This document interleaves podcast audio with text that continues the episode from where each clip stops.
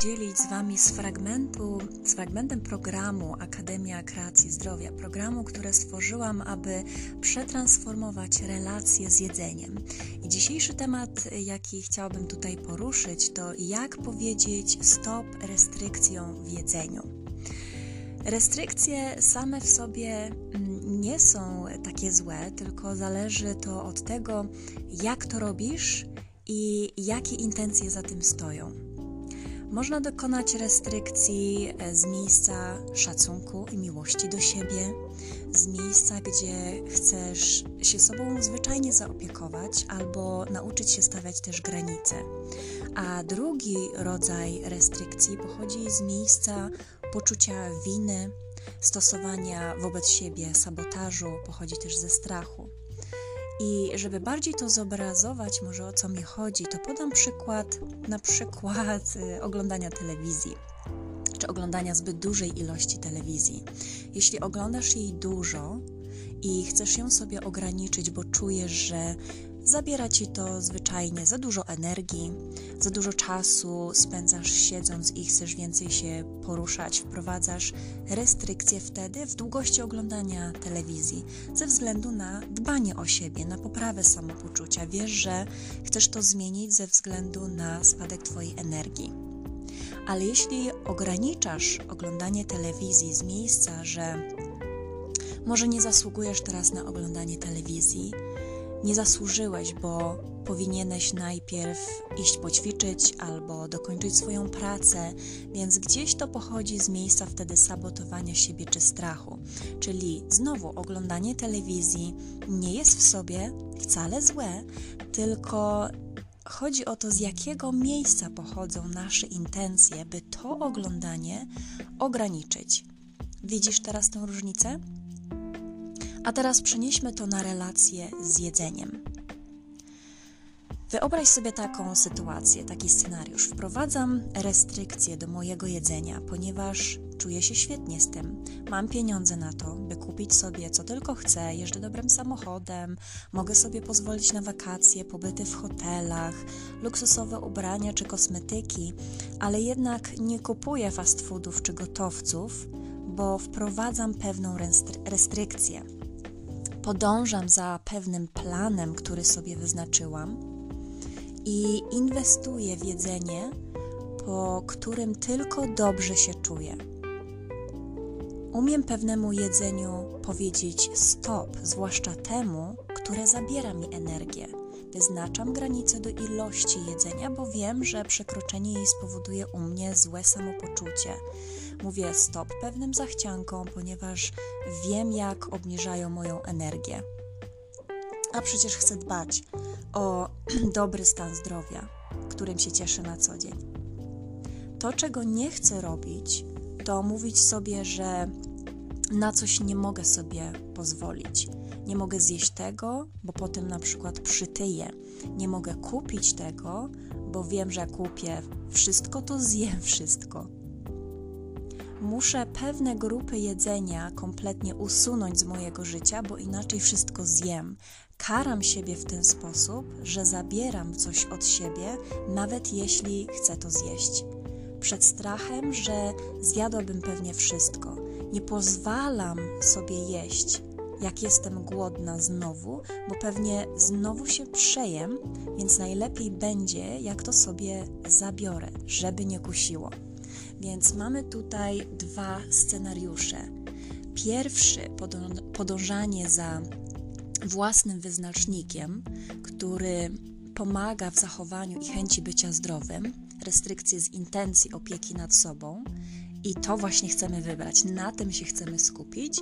A drugi scenariusz to restrykcje pochodzące ze strachu, z obawy przy jedzenia, z własnego sabotażu czy poczucia, że się na coś nie zasługuje, a tego właśnie nie chcemy i tego scenariusza chcemy uniknąć.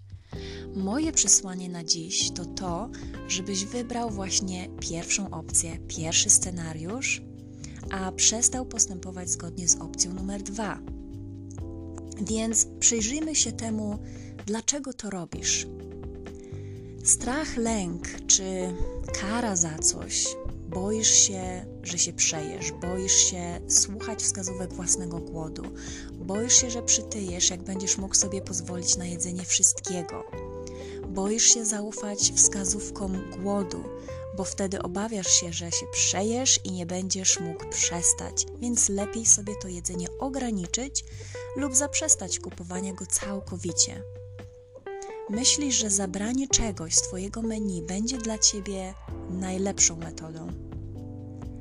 Nauczyć się czegoś pomoże Ci w jedzeniu napadowym najłatwiej. Najłatwiej jest nie patrzeć na to jedzenie, bo wtedy nie będziesz chciał. A jak go nie będzie, to i nie przytyje. Ale to wszystko nieprawda. Dlaczego? Ile razy karałeś siebie za jedzenie napadowe? Karanie siebie w niczym tu nie pomoże, tylko sprawi, że będziesz czuć się gorzej na swój temat. Więc jesteś tu, zabierasz sobie coś, co lubisz jeść z obawy, że nie będziesz mógł przestać. Czyli nie dosyć, że źle się czujesz z jedzeniem napadowym, to jeszcze odbierasz sobie przyjemność z jedzenia tego, co chcesz. A co robisz, żeby pocieszyć się za to, że czujesz się źle? Pewnie znowu sięgniesz po jedzenie z przekonania, że i tak jesteś złą osobą, bo nie potrafisz się kontrolować, bo nic ci nie wychodzi, więc sięgasz po więcej jedzenia. Jedną tu z metod pomocnych w radzeniu sobie w jedzeniu napadowym jest bycie przede wszystkim miłym i łagodnym w stosunku do siebie, a nie karanie siebie. Czy unikanie jedzenia napadowego pomoże ci go uniknąć? Nie.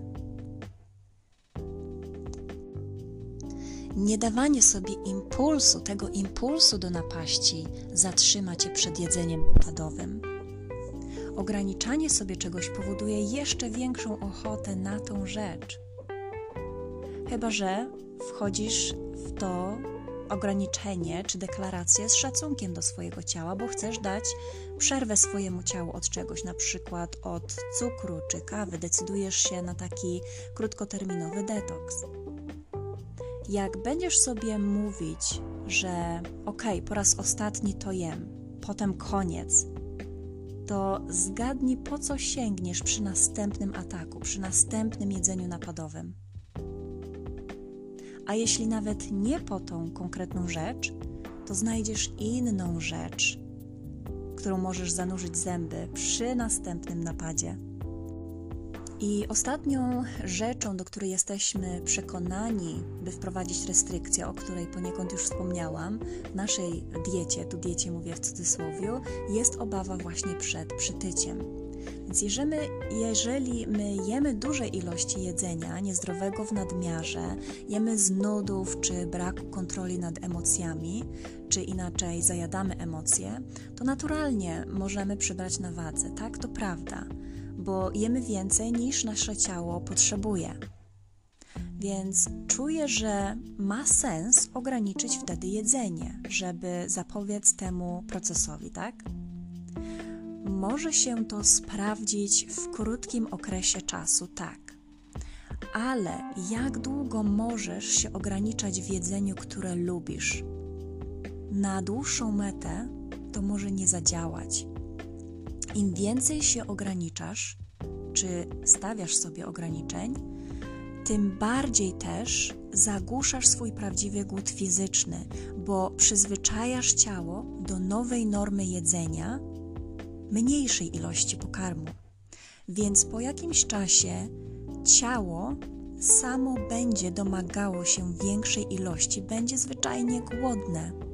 Będzie ci komunikować na wszystkie strony, Hej, jedz więcej, jestem głodny.